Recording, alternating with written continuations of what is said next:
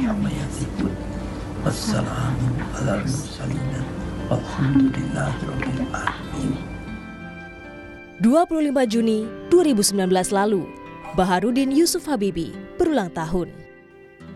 Dan di usianya yang menginjak 83 tahun, Habibi masih terus berkarya.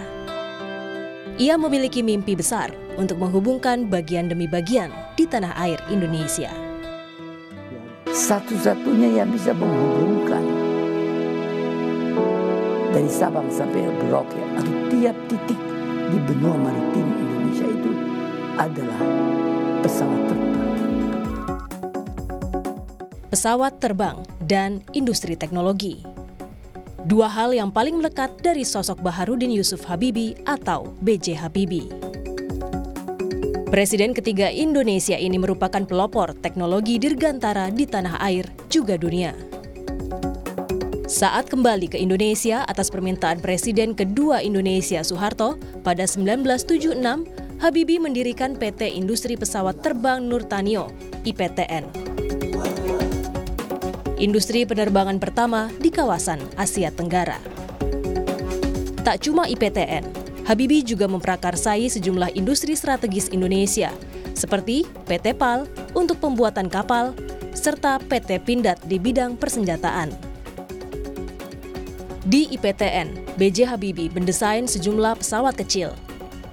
Berawal dari NC212-100, lalu CN235 dan N250, pesawat rancangan putra-putri terbaik Indonesia yang berteknologi fly-by-wire. Sistem kendali menggunakan sinyal elektronik dalam memberikan perintah. Selain kiprahnya di dalam negeri, B.J. Habibie merupakan sosok ilmuwan yang disegani tak hanya di dalam negeri, tapi juga dunia. Sejumlah proyek pesawat diprakarsai di antaranya Fokker F-28, Transkol C-130 militer, dan Airbus A300. Tak pernah berhenti berkarya. Pada April 2015, Habibie kembali menelurkan pesawat baru, R-80. Pesawat baling-baling yang dirancang dan diproduksi PT Regio Aviasi Industri. Perusahaan yang didirikannya bersama putra sulungnya Ilham Akbar Habibie. Pesawat R-80 merupakan penerus pesawat N250. Dilengkapi teknologi terbaru super canggih serta tingkat keamanan tinggi berdaya angkut 80 hingga 90 penumpang. Menurut Habibie, pesawat R-80 efektif dan efisien jadi penghubung seluruh pulau di tanah air. Saya buat propeller, si capung dan gelatik itu tidak begitu. Tapi ini canggih nih. Malaysia canggih semua. Dihitung. Kan tiap pesawat terbang punya pesayap. Tapi sayapnya canggih. Tidak sama loh. Berbeda. Iya jelas tuh. Itu rahasia dari perusahaan. Nama B.J. Habibie telah harum sebagai ilmuwan ternama. Saat usianya baru 32 tahun, Habibie menemukan teori crack propagation. Teori Habibie digunakan dunia penerbangan internasional untuk memprediksi letak awal retakan pada pesawat terutama pada sayap pesawat. Sebelum ditemukan teori crack propagation, kecelakaan pesawat sering terjadi lantaran kelelahan yang diderita struktur pesawat sulit terdeteksi. Habibie membuat teorinya dengan sangat detail, bahkan hingga ke tingkat atom.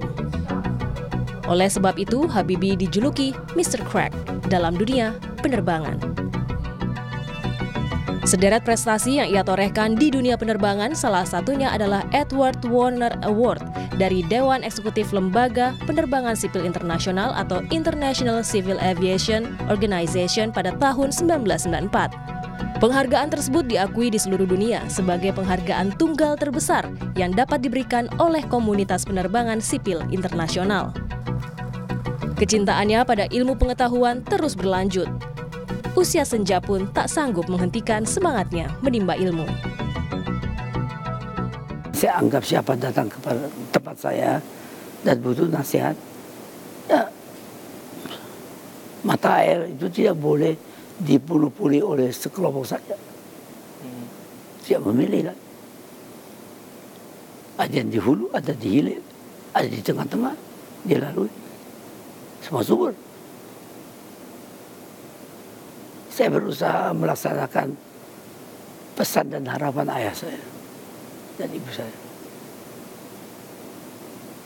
Dan ini saya rasa bukan berlaku untuk saya saja, untuk tiap manusia. Selamat jalan Baharudin Yusuf Habibi. Selamat jalan Mr. Crack. Jasa besarmu tak akan dilupakan oleh rakyat Indonesia. Tim Liputan Kompas TV